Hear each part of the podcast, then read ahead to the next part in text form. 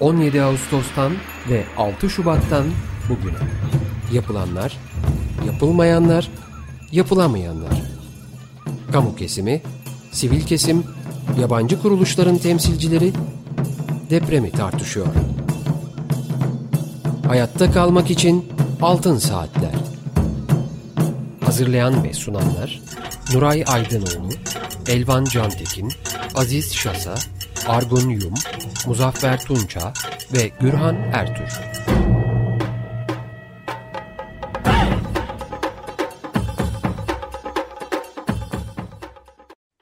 95.0 Açık Radyo'dayız ve Dünyanın Cazı programının yapımcıları olan arkadaşlarımıza teşekkür ediyoruz. Program saatini Altın Saatler ekibine ayırdılar. Evet, Altın Saatler programının deprem özel yayınındayız ee, ve e, hemen e, telefonla bağlanacağımız konumuz avukat Selim Karahan, İslahiye ve Nur Dağı'ndaki durumu, çalışmaları e, ele alacağız kendisiyle birlikte. Selim Bey merhabalar. Programımıza hoş geldiniz efendim. Merhabalar efendim, hoş bulduk. Evet, siz e, başından beri sanıyorum alandasınız, e, deprem bölgelerindesiniz. Bir kısaca özetleyebilir misiniz acaba? İlk, ne zaman böl bölgeye intikal ettiniz ve hangi çalışmalarda bulundunuz? Şimdi ben e, İsrailiyim e, bir, bir ayağım İsrail'de çiftçilik yapıyorum. E, İstanbul Barosu'na kayıt avukatım dolayısıyla bir ayağım da İstanbul'da. Tabii e, İsrail'de bu deprem meydana gelince 4-17 depremi yani 4-17 sularında meydana gelen deprem. Ertesi gün e, aşırı kar vardı yollarda. Fakat onu aşarak en kısa sürede aşağı yukarı bir gün sonrasında hemen e, İsrail'e intikal ettim o gün bugündür de İsrail'de e, hemşerilerime e, bir şekilde yardım ulaştırmak, elimden ne gelirse yapmak üzere e, burada e, ben ve arkadaşlarım, gönüllü arkadaşlarımızla birlikte bir e, çalışma içerisine girdik. E, bu çalışmada tabii belediyelerden, Cumhuriyet Halk Partili belediyelerin yardımlarının e, burada bir dağıtımı söz konusu oldu. Ona gönüllü arkadaşlarla birlikte başladık. Ee, onun dışında e, buradaki e, Nurdağ ve İslahiye'deki durumu biraz size özetlemek istiyorum. Lütfen. Buradaki, burada e, neden e, ağır kayıplar var, neden sevdiklerimizi, çok fazla sayıda sevdiğimizi kaybettiğimizi kısaca özetlemek istiyorum müsaade ederseniz. Lütfen efendim, buyurun. Şimdi efendim İslahiye, İslahiye ve Nurdağ ilçeleri Gaziantep'in batısında kalan ilçelerdir. Ee, Kahramanmaraş, Hatay, Osmaniye ve Gaziantep e, il, il merkezine e, tam ortasında konumlandırılan iki ilçe. Şimdi e, ilk e, haberler ilk çıktığında Maraş, Kahramanmaraş ve e, Hatay gündeme geldi. E, buralara acil yardım e, götürülmesi konusunda bütün televizyon kanalları, bütün medya kanalları burada e, bu iki ilde özellikle ilgilendi. Daha sonra Adıyaman ve Malatya'da tabii dikkat çekti. Maalesef ki benim memleketim Yavur Dağı'nın eteklerinde diye tabir edebileceğimiz İsrail'in Nur Dağı'na ilgi e, medya açısından da yaratılamadı. Bunun sebebi nüfus oranı açısından da olabilir vesaire ama esas buradaki sıkıntı şu. Buralara bu 5 e, ilin merkezinde tam ortasında olan bu iki ilçeye giden tüm yollar kapandı depremden dolayı. Yollar yarıldı. Dolayısıyla burayı karayoluyla ulaşmak imkansız hale geldi. Peki ne yapılmalıydı? Buraya o günler ilk müdahale helikopterle buraya arama kurtarma ekiplerinin indirilmesi gerekiyordu. Arama kurtarma ekipleri eğer hemen müdahale için helikopterle indirilmiş olsaydı tahmin ediyorum yani bizim kayıplarımızın %20 veya 25'ini kurtarabilirdik diye düşünüyorum. Bu çok acı bir gerçek. Yani bunu söylerken e, sesim titriyor. Çünkü e, çok çok sevdiğimiz birçok dostumuz, aile efradımız hepsini kaybettik. E, bu e, bu gerçekten e, unutulabilecek veya da affedilebilecek bir ihmal veya hata olduğunu bu bölge düşünmüyor. Öncelikle bunu ifade etmek istiyorum. Bu İsrail e, sıkıntıların diğer bir ayağı e, AFAD e, tarafından e, buraya bir merkez oluşturuldu. Birçok e, Türkiye'nin her yerinden e, yardımsever, hayırsever vatandaşlarımız buraya bir şekilde yardımlarını gönderdi. Göndermeye devam ediyor. Ama e, bu yardım tırları vesaire bu AFAD'da şişme yarattı.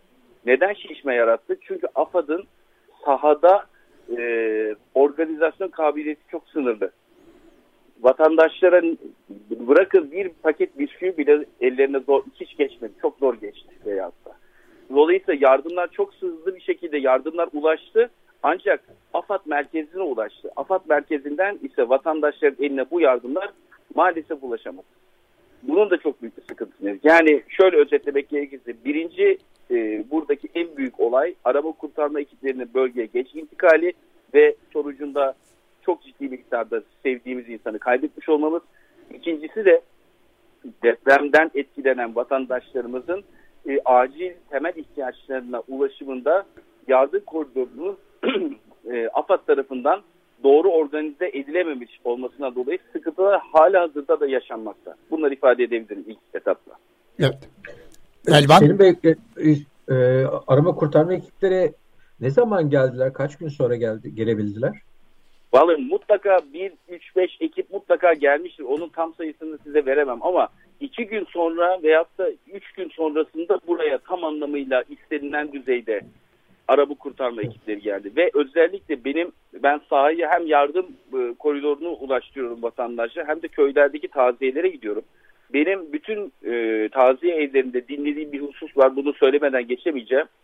Madenci emekçilerimizin buraya gelmesiyle buradaki arama kurtarma işe, çalışmaları hızlandı. Ve herkes ama herkes istisnasız bütün enkaz altında kurtarılan veyahut da vefat alan aileler hepsi diyor ki Allah madencilerden razı olsun. Onlar olmasaydı bunları bugünleri bile göremeyecektik biz diyorlar. Bunu da ifade etmek isterim. Yani madencilerin İsrail'e intikaliyle burada ciddi bir e, çalışma başladı.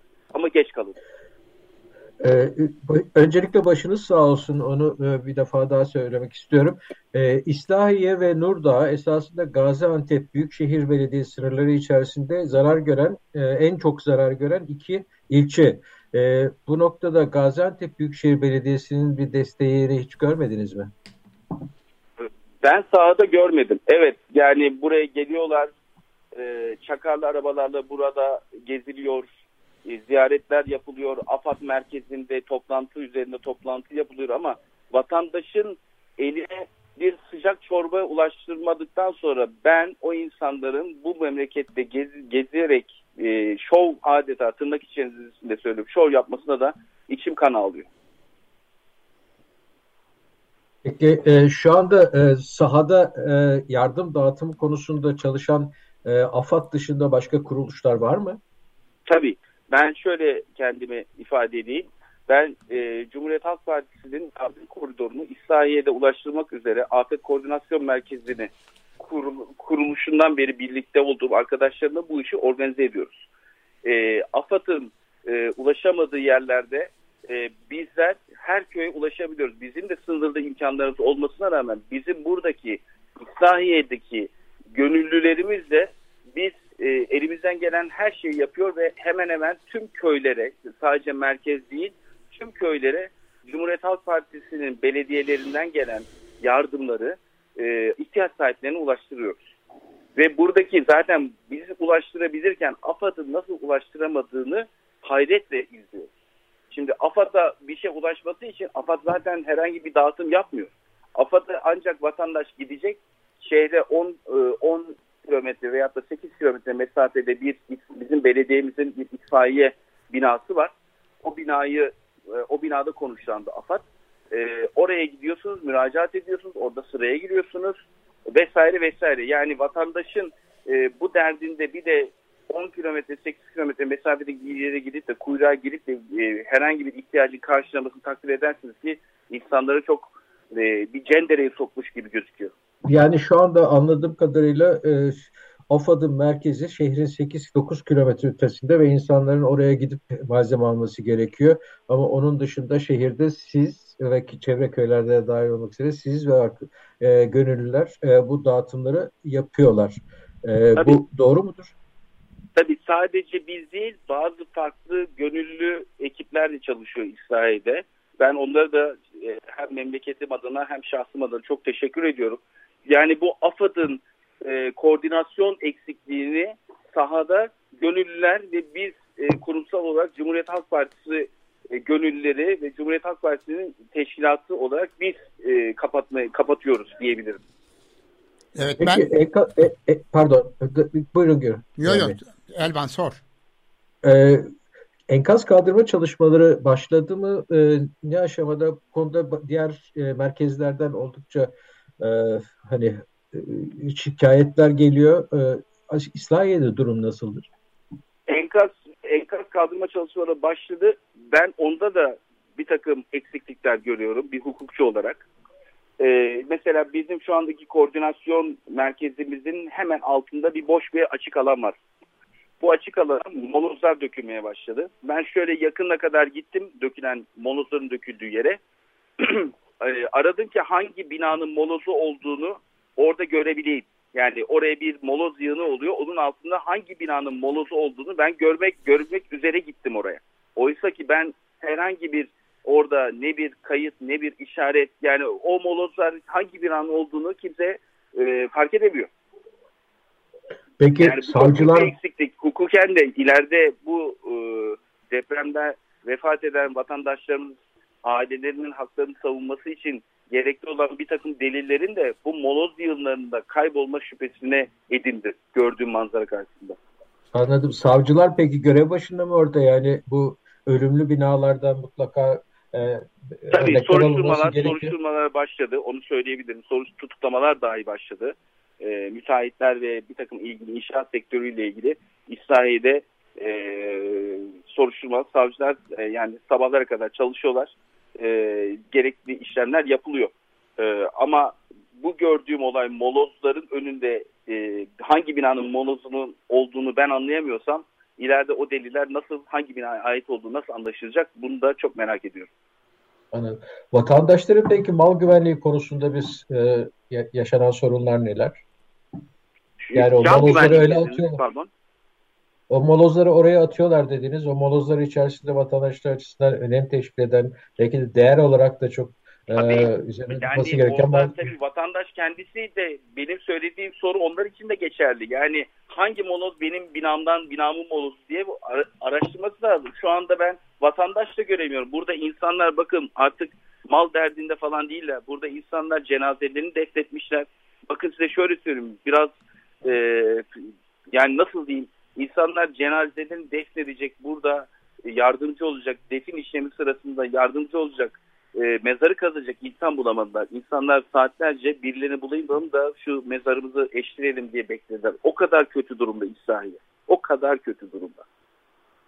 Evet burada hemen şu, şu soru da aklımıza geliyor. Diğer bölgelerde karşı karşıya kaldığımız bir e, örnektir. E, şu anda tabii ki enkazların içinde de molozların içinde de hayatını kaybetmiş olan vatandaşlarımız var. Bunların bir ayrımı yapılabiliyor mu? E, molozların kaldırılması sırasında dikkat ediliyor mu? Bu konuda e, gözlemleriniz nedir? Vallahi pek bir gözlemim olmadı o konuda. Şöyle söyleyeyim. AFAD'la ilgili yetkililerden de doğru bilgi alamıyoruz. E, herhangi bir muhatap bulmakta da biz burada çok sıkıntı çekiyoruz. Bazı sorularımızda evet bir, bir iki kere muhatap olundu ve cevap alabildik ama her böyle bir sıkıntımız olduğunda ya burada ne oldu ya dediğimiz zaman e, kimseye ulaşama, ulaşamıyoruz. Dolayısıyla bir takım bilgileri biz kendi gayretimiz alıyoruz. Aslında bu bilgilerin çok şeffaf olması lazım. Hele böyle bir süreçte. Örneğin ben size e, konuyu şu noktaya getireyim. E, elime gelen e, ben özel olarak e, istedim bu bilgiyi. Bana bir belge verildi AFAD tarafından. E, mesela yıkılan bina sayısını ben size söyleyeyim. Şu an depremde yıkılan bina sayısı 3459. Yıkılan bağımsız bölüm sayısı 7227. Ağır hasarlı bina sayısı 10461. Ağır hasarlı bağımsız bölüm 23.873. Orta hasarlı 5406 bina var. E, bağımsız bölüm ise orta hasarlı olan 22.561. Bu korkunç bir rakam aslında. Yani kağıt üzerinde bunu söylemek kolay oluyor ama bu rakamları yok. Yani çok haklısınız. Çok haklısınız. Peki e, bu tespitleri kimler e, e, nasıl yaptılar? Vallahi ben burada AFAD'dan aldığım bilgiyi size bir tek öğrenebildim. Bu bilgilerin nasıl alındığı hakkında herhangi bir bilgi sahibi değilim. Güvenmek zorundayım çünkü devletin kurumu olduğu için güvenmek zorundayım. Evet. evet şüphelerim var mı? Var. Ama devletin açıklamış olduğu benim elime geçen resmi belge yani resmi belge değil mi kamuoyu aydınlatma açıklaması gibi düşünelim. Bu belge benim elime geçti. Yani ama şundan eminim ben bazı haberlerde böyle yerel medyada Gaziantep'in yerel medyasında falan takip ediyorum. İsrail ile ilgili ölü e, vefat sayısı hakkında yani çok komik şeyler söyleniyor. Yok 1300 yok 1500 falan gibi bir ölüm e, var deniyor. Alakası yok. Ben bunun tespitini de şöyle yaptım. E, amcamın oğlu ve ailesini defnettik depremin e, ikinci, üçüncü günü. E, bu defin sırasında İsrahiye Merkez Mezarlığı, altın çizerek söylüyorum, Merkez Mezarlığı da aile mezarlığımızda defnettik. E, burada defin sırasında e, mezarlığın dini görevlisi e, beyefendi geldi. Bizim işte başsağlığı dileklerini iletti. Oradaki görevini tamamladı. Ve e, orada bir sohbet ederken sohbet esnasında bana dedi ki dün akşam itibariyle yani bizim e, definimizin cenazemizden bir gün önceki akşam itibariyle sadece İsrail'deki merkez mezarlığındaki defin sayısı 1500 dedi bana. Bunu bana oradaki e, dini görevli söyledi. Din görevlisi söyledi. Evet. Eğer 1500 sadece merkez mezarlığındaysa köylerdekini evet, tahayyül etmek çok güç. Köylerde niye şöyle e, niye daha fazla ölüm vardır? Onu da ben size kısaca bahsedeyim. Lütfen. Şimdi e, burası İsrahiye'nin e, Hatay'a doğru giderken Tahta Köprü Barajı vardır. Bu Tahta Köprü Barajı Amik Ovası'nı e, sulan, sulamak üzere yapılmış bir barajdır. Bu barajın e, debisini yükselttiler 4-5 sene önce. Debisi yükseltildiği için barajın bir takım kamulaştırma işlemleri yapıldı. Bizim İsrail'in köylerinde. Bu kamulaştırmadan vatandaşın elde etmiş olduğu istimlak paraları burada herkes köyünden ayrıldı veyahut da annesi babası köyünde yaşamaya devam etti. Her bir çocuğuna birer tane daire aldılar. Merkezde dayalı döşeli dairem oldu diye sevinerek daire aldılar. Ama maalesef ki altısında olan bu depremde o daireler bu e, hemşerilerimizin mezarı oldu maalesef. Ve yeni yapılmış yapılar bunlar öyle tabii, mi? Tabii tabii. 3-4 yıllık, 2 yıllık yapıda bile yıkım var. Yani bizim e, buradaki İsrail mezarlığındaki sadece İsrail mezarlığındaki 1500 rakamıyla benim ben bir de bu arada tabii köyleri de geziyorum. E, hemşerilerimin taziyesine gidiyorum. E, onların acısına elimden geldiği kadar ortak olmaya çalışıyorum. E, oradaki yani her bir e, ailede minimum 4 vefat var. Size öyle söyleyeyim. Minimum 4 vefat var. Çünkü aileleri kaybettik. Sadece arkadaşlarımız değil. Arkadaşlarımız da onların aileleri birlikte vefat ettiler. Yani bu 1500 rakamı çok komik bir rakam. Diğer e, bazı basın yayın kuruluşlarında söylüyorlar. İsrail'de işte 1500-2000 civarında falan. Yani ben tabii bir spekülasyon yaratmak istemiyorum rakam konusunda. Ben sadece çekincelerimi ve sahadaki gördüğüm manzarayı size ve sizin aracılığınızla dinleyicilerinize iletmekle kendimi görevli hissettiğim için böyle konuşuyorum. Evet. E, Mehmet Nuray Aydınoğlu hocamızın bir sorusu var. Buyurun hocam. Evet, geçmiş olsun, başınız sağ olsun. E, şimdi e, rakamları not etmeye çalıştım siz e, söylerken. 7227 bina yıkımı dediniz ve 34.590 birim. Sanıyorum doğru Şöyle ben tekrar edeyim üstadım bana verilen belgede 3459 yıkılan bina var. Yıkılan bağımsız bölüm yani daire olarak hesaplamışlar. 7227 evet. demişler. Çünkü burada hem daireler var hem de eski tip e, evler var. Öyle bahçeli bir kat iki kat işte üstte e, oğlu altında babası annesi yaşayan bu tip evler var. Dolayısıyla bağımsız bölüm sayısı 7227 yıkılan bağımsız bölüm. Yıkılan bina adedi ise 3459. Bana AFAD'ın AFAD'dan edindiğim e, belgede bu yazı. Yani bu yıkım değerlerine bakılınca e, ilan edilen veya tahmin edilen e, vefat sayısı çok düşük görülüyor. Sizin de ifade ettiğiniz gibi. Yani her her bir birimde bir kişi olsa en azından 5000'i geçer. Tabii. Evet. Ee, İslahiye'yi daha ziyade anlattınız. Ee, doğal olarak e, orada konuşlandığınızı anlıyoruz. Ee, Nurdağ'daki durumda benzer değil mi efendim? Nurdağ İsrail'den daha kötü. Evet. Ee, çok o konu Nurdağ ile ilgili size e, veri aktaramayacağım maalesef. Çünkü ben İsrail'i konuşlandığım için ancak İsrail'e e, bir şekilde ulaş, ulaşabiliyorum. insanlara yardımcı olabiliyorum. Yani burada bir de ciddi bir e, insan gücü e, sıkıntımız var. Bu aracılığınızda bunu da duyurmak isterim. Yani e, gönüllülerimiz var ama biz mesela gece karanlıkta 3 kişi yardım tırını indirdik.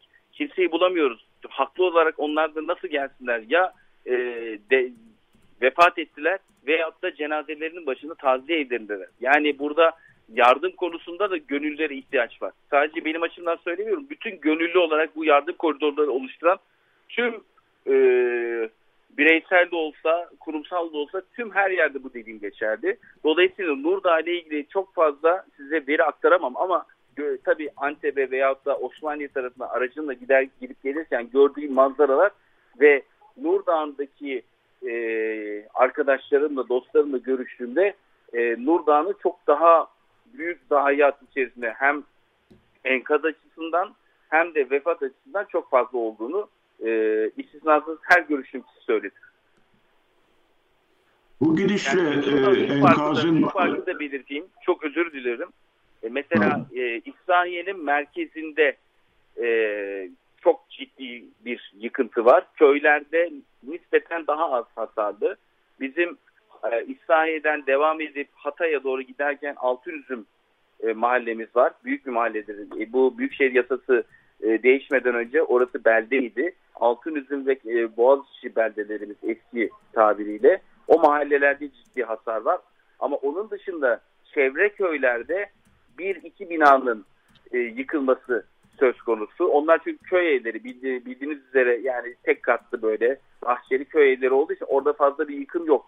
İşte demek ki dediğim gibi o barajdan dolayı şehre dönen insanlar köylü olmasına rağmen vefat ettiler. Ama yıkıntı burada İsrail'de merkezde Nur Dağı'nda ise e, birkaç köy var. Mesela Gedikli köyü duyduğum kadarıyla. Onun yanında Kırışkal köyü var. Bu köylerde neredeyse köy kalmadı deniyor. Daha gidip gözümde göremedim tabii. Ama e, ciddi benim güvendiğim kaynaklardan aldığım bilgiler orada köylerin çok ciddi etkilendiği. Hem merkezin hem köylerin. Tabii o köyler Pazarcık ilçesine çok yakın köyler. Yani Maraş, Elbistan, Pazarcık o hatta çok yakın köyler. Evet ben hemen şunu sormak istiyorum. Şimdi tabii ki e, çok akut bir dönemdeyiz ve e, insanların barınma sorunları var. E, kısa vadede e, yiyecek sorunları var. E, korunmaları gerekiyor ama bir yandan da uzun vadeli e, bir şeylerin de düşünülmesi gerekiyor. Buna ilişkin e, kamu yönetiminin afatı bir tarafa bırakırsak yani kaymakamlığın veya Ankara e, merkezden gelen bir takım bilgiler var mı İslahiye'ye ilişkin olarak?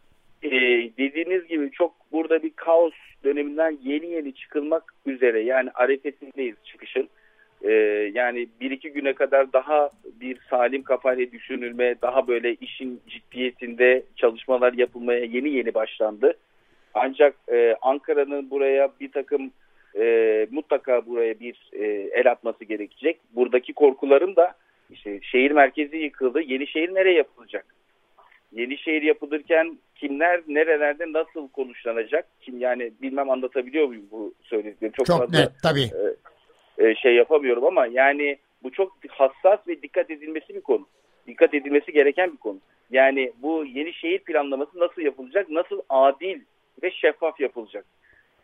Evet. Bu çok önemli bir soru işareti. Çok dikkatlice düşünülmesi bütün e, katılımcılarla birlikte halledilmesi gereken e, bir konu bu ve bütün e, deprem bölgeleri için aynı sorun var. E, telaşa ve aceleye de getirilmemesi e, gereken bir konu diye e, düşünüyoruz. E, son olarak söylemek istediklerinizi de e, alalım. E, ondan sonra e, size e, veda edeceğiz efendim. Öncelikle ben e, Açık Radyo ve tüm ekibinize çok teşekkür ediyorum. Yani İsrail'i birisi olarak buradaki yaşananları Hicaz'dan aktarabilme fırsatı verdiniz. Burada çok büyük acı yaşanıyor. Yani aileler yok oldu. Sosyal medya e, hesabıma 2-3 gündür bakamıyorum. Çünkü insanlar artık kaybettiklerini fotoğraflarını yayınlamaktan, o aileleri bir daha göremeyecek olmaktan ben çok hüzünleniyorum. Çok büyük bir acı var burada. Nurdağ'da da İsrail'de Nitekim diğer deprem bölgelerinde de keza öyledir muhakkak. Ama e, bu fırsatı verdiniz. En azından e, gör, sahada görmüş olduğum aksaklıkları, eksiklikleri ve bundan sonra yapılması gereken aklımdan geçen bazı fikirleri ifade etme şansı verdiğiniz için ben hepinize çok teşekkür ediyorum. Biz size çok teşekkür ederiz. Ayrıca önümüzdeki dönemde de istediğiniz zaman bize ulaşabilirsiniz. Anons etmemizi isteyeceğiniz bilgiler olabilir. Yayına katılabilirsiniz. Ee, gelişmelere aktarabilmek açısından. Ee, biz buradayız efendim. Çok teşekkür ederiz programımıza katıldığınız ve bilgilerinizi paylaştığınız için. Ben teşekkür ediyorum. Tüm Türkiye'ye selam olsun. Bir daha böyle acılar yaşamayalım, yaşamayalım istiyorum. Çok teşekkür ederim. Evet efendim. Ee, şimdi e, telefon hattımızda avukat Selim Karahan vardı. İslahiye ve çevresindeki e, durumu bize aktardı. Küçük bir ara veriyoruz. Bir müzik parçası dinleyeceğiz. Ondan sonra Şenol Köksal'a bağlanacağız. KESK Genel Sekreteri geçen hafta da kendisine bağlanmıştık. KESK'in bölgelerdeki çalışmalarının son durumunu ve karşılaştıkları sorunları ele alacağız. 95.0 Açık Radyo'dayız. Altın Saatler programının deprem özel yayınındayız. Birinci bölümde avukat Selim Karahan'la görüştük. İslahiye hakkında, İslahiye ve çevresi hakkında bilgiler aldık. Şimdi Şenol Köksal bizimle birlikte KESK Genel Sekreteri KESK'in bölgelerdeki çalışmalarının son durumunu ve karşılaştıkları sorunları konuşacağız. Şenol Köksal hoş geldin programımıza teşekkür ederiz. Geçen hafta da bilgiler vermiştin ee, ve e, hemen başlayabiliriz. Ne durumdasınız? Teşekkür ederim. Öncelikle geçen hafta, geçen bağlantıdan sonra tekrardan Açık Radyo olarak bize bu vakti verdiğiniz için. E, çünkü bizim de paylaşma ihtiyacımız var kamuoyuyla bir takım e, çalışmaları ve yapılması gerekenlere ilişkin. E, biz geçen hafta görüşmemizde aslında depremin ilk anında bir reflekste ne yapılmalı dedik ve olanca kitle gücümüzde ve oradaki yerelde barınma gibi bir takım ihtiyaçlar üzerinde anlatmıştık. Orada olduk. İşte 40 civarında çadır kurulması ve ek oraya e, o çadırlara orada görev yapacak kesli üyelerimizden oluşan gönüllü ordusunu göndererek yerelde bir parça derman olmaya çalışmıştık. Ama şimdi birazcık durum başka bir boyuta doğru e, döndü ve hali hazırda oradaki arkadaşların e, görev tanımında çocuklara, kadınlara, oradaki yaşam alanındaki insanlara onları merkeze insani bir şey e, durum koyarak e, yaklaşma oldu. Buna ilişkin de e, uzman ekip oluşturma ihtiyacımız oldu. İlk etapta gönderdiğimiz arkadaşlardan şimdi tespitler istedik. E, yakın zamanda e, oraya işte resim öğretmeni, müzik öğretmeni, psikodrama, psiko e, psikolojik danışman ya da tiyatro oyuncusu gibi arkadaşları göndererek birazcık e, Oradaki çocuklara dokunmak istiyoruz, kadınlara dokunmak istiyoruz. Onların aile içerisindeki hani yaşamsal şeylerin normalleşmesi konusunda bir çalışma yürütmek istiyoruz. Buna ilişkin hazırlık yaptık. E, gıda ve hijyen konusunda bir eksikliğin olduğu tespiti üzerine de e, geçen programda da belki söylemişimdir. E, 10 bin koli e, bir gıda e, şey kampanyası başlattık. Kendi e, iç öz gücümüzde. Bunun ilk etapta 4000'ini e, e, ulaştırmakla ilgili pazartesinden itibaren bir aksilik olmazsa şey yapacağız. E, deprem bölgesindeki ihtiyacı olan e, ailelere ulaştırmakla ilgili bir çalışma yürütüyoruz. Onun e, Adana ve Gaziantep merkezde bir sevkiyat planlaması e, şimdi şey yaptık, e, yaptık. Onlara ilişkin arkadaşlarımız şimdi o depo ve kartonlama meselesine ilişkin yine keskin kendi gönüllü olan bu illerdeki arkadaşlar bu çalışmaların içine girecek. Biz biraz yerel odaklı çalışmak istiyoruz. Yani ihtiyaç ne ona nasıl cevap verebiliriz diye. Tabi bu çalışmaları yürütürken de bir taraftan da işin aslında e, kamu hizmeti olarak da yürümesini de esas alma gibi bir eğilimimiz olduğu için Çalışma Bakanlığı, Sağlık Bakanlığı, Çevre Şehircilik, AFAD gibi kurumlarla yazışma yaparak tekrardan bu hafta e, biz kendilerinden e, bu tip çalışmaların e, eşgüdüm halini beraber götürülmesi konusu bir çağrı daha yaptım. E, bu çağrıların yanı sıra Ankara, İstanbul, İzmir Büyükşehir Belediye Başkanlarımız olmak üzere ki arkadaşlarımız diyalogda oldu, e, olmaya çalışıyor ve buralardan doğru da onların orada yaratmış olduğu yaşam alanlarında bir dayanışma yaşatmak. Keski de orada herhangi bir e, konudaki e, yardımlaşmayı e, yapmak üzere diyalog kuruyoruz. E, yakın zamanda buna ilişkin de e, bir e, çadır e, sevkiyatı yapacağız e, olabilirse 50 civarında bir çadırı e, büyük bir ihtimalle bir aksilik olmasa Hatay civarında kurmakla ilgili bir planlamamız var. Orada da aileleri bu çadırlarda e, barındırırken bir taraftan da yaşamsal ihtiyaçlarının da e, sağlanması için KESK olarak kendimiz bir çalışma yürüteceğiz. E, bu çalışmaları yürütürken tabii temel aldığımız şey lerden bir tanesi de e, sağlık meselesi. Sağlığa ilişkin öncelikle oradaki depremzedelerin, çocukların, annelerin, e, babaların e, çamaşır, iç çamaşırı, e, dezenfektan, işte hijyen sorunlarına ilişkin e, ne yapılabilirliği Sağlık Emekçileri Sendikamız olan iş kolumuzda TTB ile ortaklaşarak bir şey e, su, e, tespitler yapıldı. Onun üzerinden de işte e, sürekli bir e, şey e, peşindeyiz. Yani oraya depremzedeleri bu ihtiyaçların ulaştırılmasına ilişkin e, yine dediğim gibi kendi gücümüzle yani herhangi bir e, kurumdan kuruluştan alıp da gönderdiğimiz değil kendi tamamen keski arkadaşların bir dayanışmasıyla bunu yaşatmaya çalışıyoruz. Yani bu süreçte olması gerekenlere ilişkin tespitlerimiz neyse insani, yaşamsal bunları e, yapmaya çalışıyoruz. Gelecekle ilgili de hani e, şeyin e, kamunun e, asıl olduğunu yani kamu hizmetinin orada asıl olması gerektiğini e, ve bunun gereklerinin de ne olduğunu tarifliyoruz.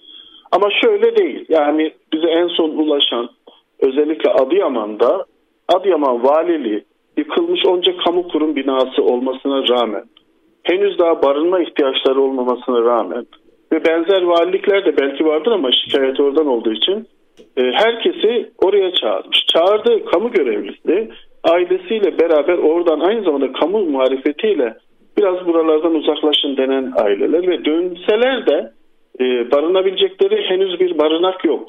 E, aile için yok. Kamu görevlisinin de çalışacağı bina yok. Geldiği zaman depremdeki o aynı manzarayla karşı karşıya kalınacak.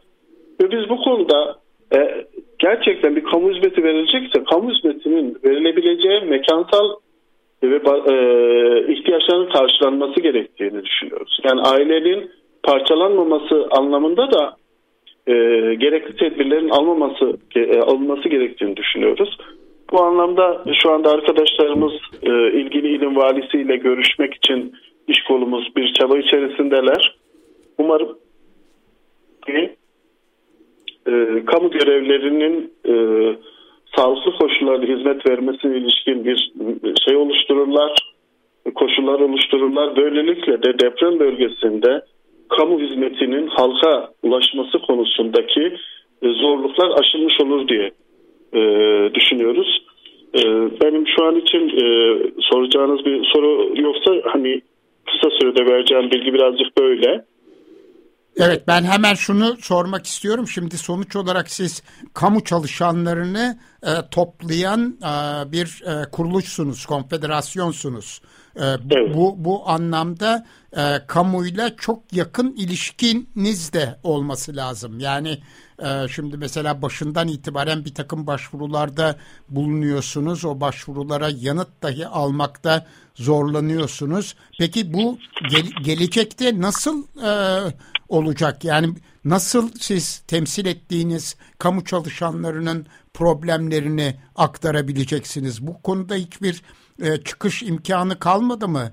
E, nedir e, durum? Genelde Ankara merkezde mesela neyle karşılaş, e, karşı karşıyasınız? E, merkez e, yönetimle ilişkilerde de aynı problemle mi e, karşı karşıyasınız? Ya bu biraz önce saydığım dört bakanlıkla ilgili özel evet. kalemlerini sabahtan ikinci sefer, üçüncü sefer arayarak aslında şu görüşmemizin gerçekleşmesi konusundaki çabamız var. Yani burada e, bugünkü kamu hizmeti bütün halk için gerekli. Yani biz tutup da kamuda bu hizmeti verirken e, sanki veriyormuş gibi diğer yapılar gibi bir pozisyona düşmek istemiyoruz. Şu anda devlet vergisini topluyor halktan ve bu verginin karşı bir hizmet veriyor. Bunu verirken de o hizmet aksarsa mutsuz olacak değil mi? Yani o deprem bölgesindeki ihtiyaçların sağlık alanında, sosyal güvenlik alanında, e, gerektiğine vergi dairesi alanında, adalet alanında her alanda bu hizmetlerin ulaşması lazım. Asıl olan o olması gerekiyor. Yani dediğiniz gibi kamu emekçileri sendikalar konfederasyonumuzun üyeleri kamu görevlerinden oluşuyor ve nitelikli insanlardan oluşuyor. Ama bu yaşadığımız süreci bize bir şey gösteriyor ki liyakatsızlık şu anki e, çalışmaların aksamasını ya da yapılamamasını beraberinde getiriyor. Bu liyakatsızlığı başından beri gördüğümüzü söylüyoruz. Ama bu liyakatsızlık bahanesiyle oradaki insanları e, yalnızlaştırmamak, yalnız bırakmamak için de her türlü tedbiri almaya kendi cephemizden gücümüz yettiğince göstermeye çalışıyoruz. Biraz önce dediğim o şey hani alanında eğitimli e, öğretmen arkadaşlarımızın gerek müzik gerek resim psikolog danışman e, ve işte bu alanda o, oraya gittiği zaman eğitimli kişilerin dokunuşlarına ihtiyaç var şu andan itibaren. Yani eğitimsiz arkadaşlar belki mevcut yaşanan süreci daha da sıkıntıya sokar diye düşünüyoruz. Yani biraz normalleşmeye de ihtiyacı var. O insanlar şu anda yaşadıkları süreci ilişkin e, eğer eğitimsiz kişiler yanlış yönlendirmen olursa özellikle çocuklar hayatları boyunca bunun e, şeylerini e, sıkıntılarını yaşarlar diyen e, bu alanda e, söz sahibi arkadaşların telkinleriyle yapıyoruz. Evet bir de tabii ki çok uzun vadeli bir durumla karşı karşıyayız e, ve bu anlamda e, KESK e, nasıl bir planlama içinde ne yapacak e, bu konuda da kendi aranızda belirlediğiniz şey var mı? E, yap, yap, yapılabileceklere ilişkin e, hazırladığınız bir hazırlığınız var mı? E, biraz önce yani şeylerini e, e, başlıklarını söylemeye çalıştım. Örnek olmak istiyoruz. Ya birazcık e, depremdeki yaşam alanlarının nasıl temizleneceğine ilişkin örnek olmak istiyoruz. Bizim oradaki gönüllü arkadaşlarımızın sabah ilk işi sırtına taktığı o ilaçlama makinasıyla çevre ilaçlamasıyla gidiyor. Çünkü bunu sürekli yapılmaması baş, bir takım hastalıkların doğmasını belki bölgede yaşatacak. İşte e, bizim için geleceğimiz diye tabir ettiğimiz çocuklara dokunuş gerekiyor. Bunun için dediğim gibi şu anda Ankara merkezde uzman arkadaşlardan bir kurul oluşturarak orada bir e, program dahilinde götürmeyi şey yapıyoruz. Barınma e, ve barınma alanının gerçekten uygunluğu meselesi var. E, basından öğrendiğimiz kadarıyla işte Diyarbakır ve Hatay'daki o deniz kenarı ve e, nehir kenarına kurulması gibi liyakatsız e, kişilerin tespitlerinin olmaması gerekiyor. Barınma alanlarının e, altyapısıyla, üstüyle e, gerçekten ulaşılabilir e, insanların yaşam alanları olması gerektiğini düşünüyoruz. Bir de gönüllülük meselesinde de şu andan itibaren daha seçici olmak gerektiğini düşünüyoruz. Yani oraya giden daha önceki gönüllüler genellikle enkaz kaldırma, işte e, koli taşıma yani tırlardan malzeme boşaltma, malzeme yükleme şeklinde tamamen bedensel e, şeyleydi. Ama şimdi e, oradaki insanlarımıza doğru dokunuşları yapacak nitelikli kadrolarımızla gitmemiz gerekiyor. Yani psikososyal destek verecek arkadaşlarla gitme. Bunları örneklemek için söylüyorum. Yani bunlar ihtiyaç olduğu için, oradan doğru bize bildirildiği için e, söylüyorum. Bir de barınma meselesi e, bence önemli. Yani barınılacak alanlar çok önemli. E, bu konuda e, keşke e, keskin imkanları şey olsa da biz de konteynerlarla e, orada en azından kalıcı konutlar oluncaya kadar altyapısıyla, elektriğiyle, suyuyla, gazıyla her şeyle olan e, imkanları sunabilsek acil bunlar ihtiyaç olmaz. Yani halen e, insanların barınamamış olması bizi üzüyor. Evet yani hem çadır konusunda hem e, geçici e, barınma konusunda konteynerlar konusunda çok ciddi problem olduğunu biliyoruz. Yani tabii ki sadece bölgedeki kamu görevlileri değil onun dışında e, bölgede e, kalmak durumunda olan e, insanların en acil ihtiyacı olduğu anlaşılıyor. Sizin bu konuda AFAD veya Kızılay'a hiçbir başvurunuz oldu mu? Onlardan bir talebiniz oldu mu? Biz iki sefer başvurduk. Birinci yazımızı direkt başkanın talebine iki, ikinci sefer ulaştırdıktan sonra ilk yazımızı ilgi tutup bir daha yani aslında görüşmek istiyoruz AFAD'la. Evet. Yani AFAD'la görüşmekteki niyetimiz tabii ki e, dayanışma oradaki hizmetin daha iyi gidebilmesi için keskli kadroların orada bulunmasına ilişkin bir şey yapmak. Yani o biz zaten kamu görevlisiyiz. Yani bugün gelse keskin üyesine e, bir yazılı emir, ey keskin, e, keskin üyesi herhangi kurumda olursa olsun görevden mi kaçacağız? Biz bunun tersinden yapmaya çalışıyoruz. Tam yani biz diyoruz ki bu alanda arkadaşlarımız gelsin sizin o kurullarınızda çalışsın, çadır alanlarında çalışsın. Yani gönüllük esasında çalışsın. Öyle şöyle değil. Para karşılığı vesaire değil ya da bana yıllık izin ver, e, idari izin ver vesaire üzerine değil. Gerçekten olan her vaktini orada değerlendirmek isteyen arkadaşlardan bahsediyoruz. E, bu başvurularımız devam edecek. Yani e, biz ısrarla e, kamu hizmeti meselesini önceleyeceğiz. Kamunun buralara hizmet götürmesi gerektiğini ifadelendiriyoruz. Bu hastaneler bizim, bu e, e, adliyeler bizim, sosyal güvenlikler bizim. Yani devletin her kurumu bizim. O, o kurumlara ilişkin onların çalışmasını esas almamız gerekiyor. Başka türlü bütünlüklü bir çalışma yürütemeyiz. Biz devletiz. Türkiye Cumhuriyeti Devleti bu manada gereken tüm gücüyle halka hizmet vermek zorunda. Evet. Ee, çok teşekkür ederiz Şenal Köksal. Ee, sağ olasın verdiğin bilgiler için. Ee, şimdi e, bir müzik parçası dinleyeceğiz. Ondan sonra e, saat 6'yı 10 geçe İrem Kayıkçı'ya bağlanacağız. Mor Dayanışma'nın bölgede yürüttüğü çalışmaları kendisinden öğreneceğiz. Evet. E, Teşekkür tek, ederim. Tekrar görüşmek üzere Şenol görüşmek Köksal. Üzere, Bütün KESK üyelerine kolay gelsin. Hoşçakal.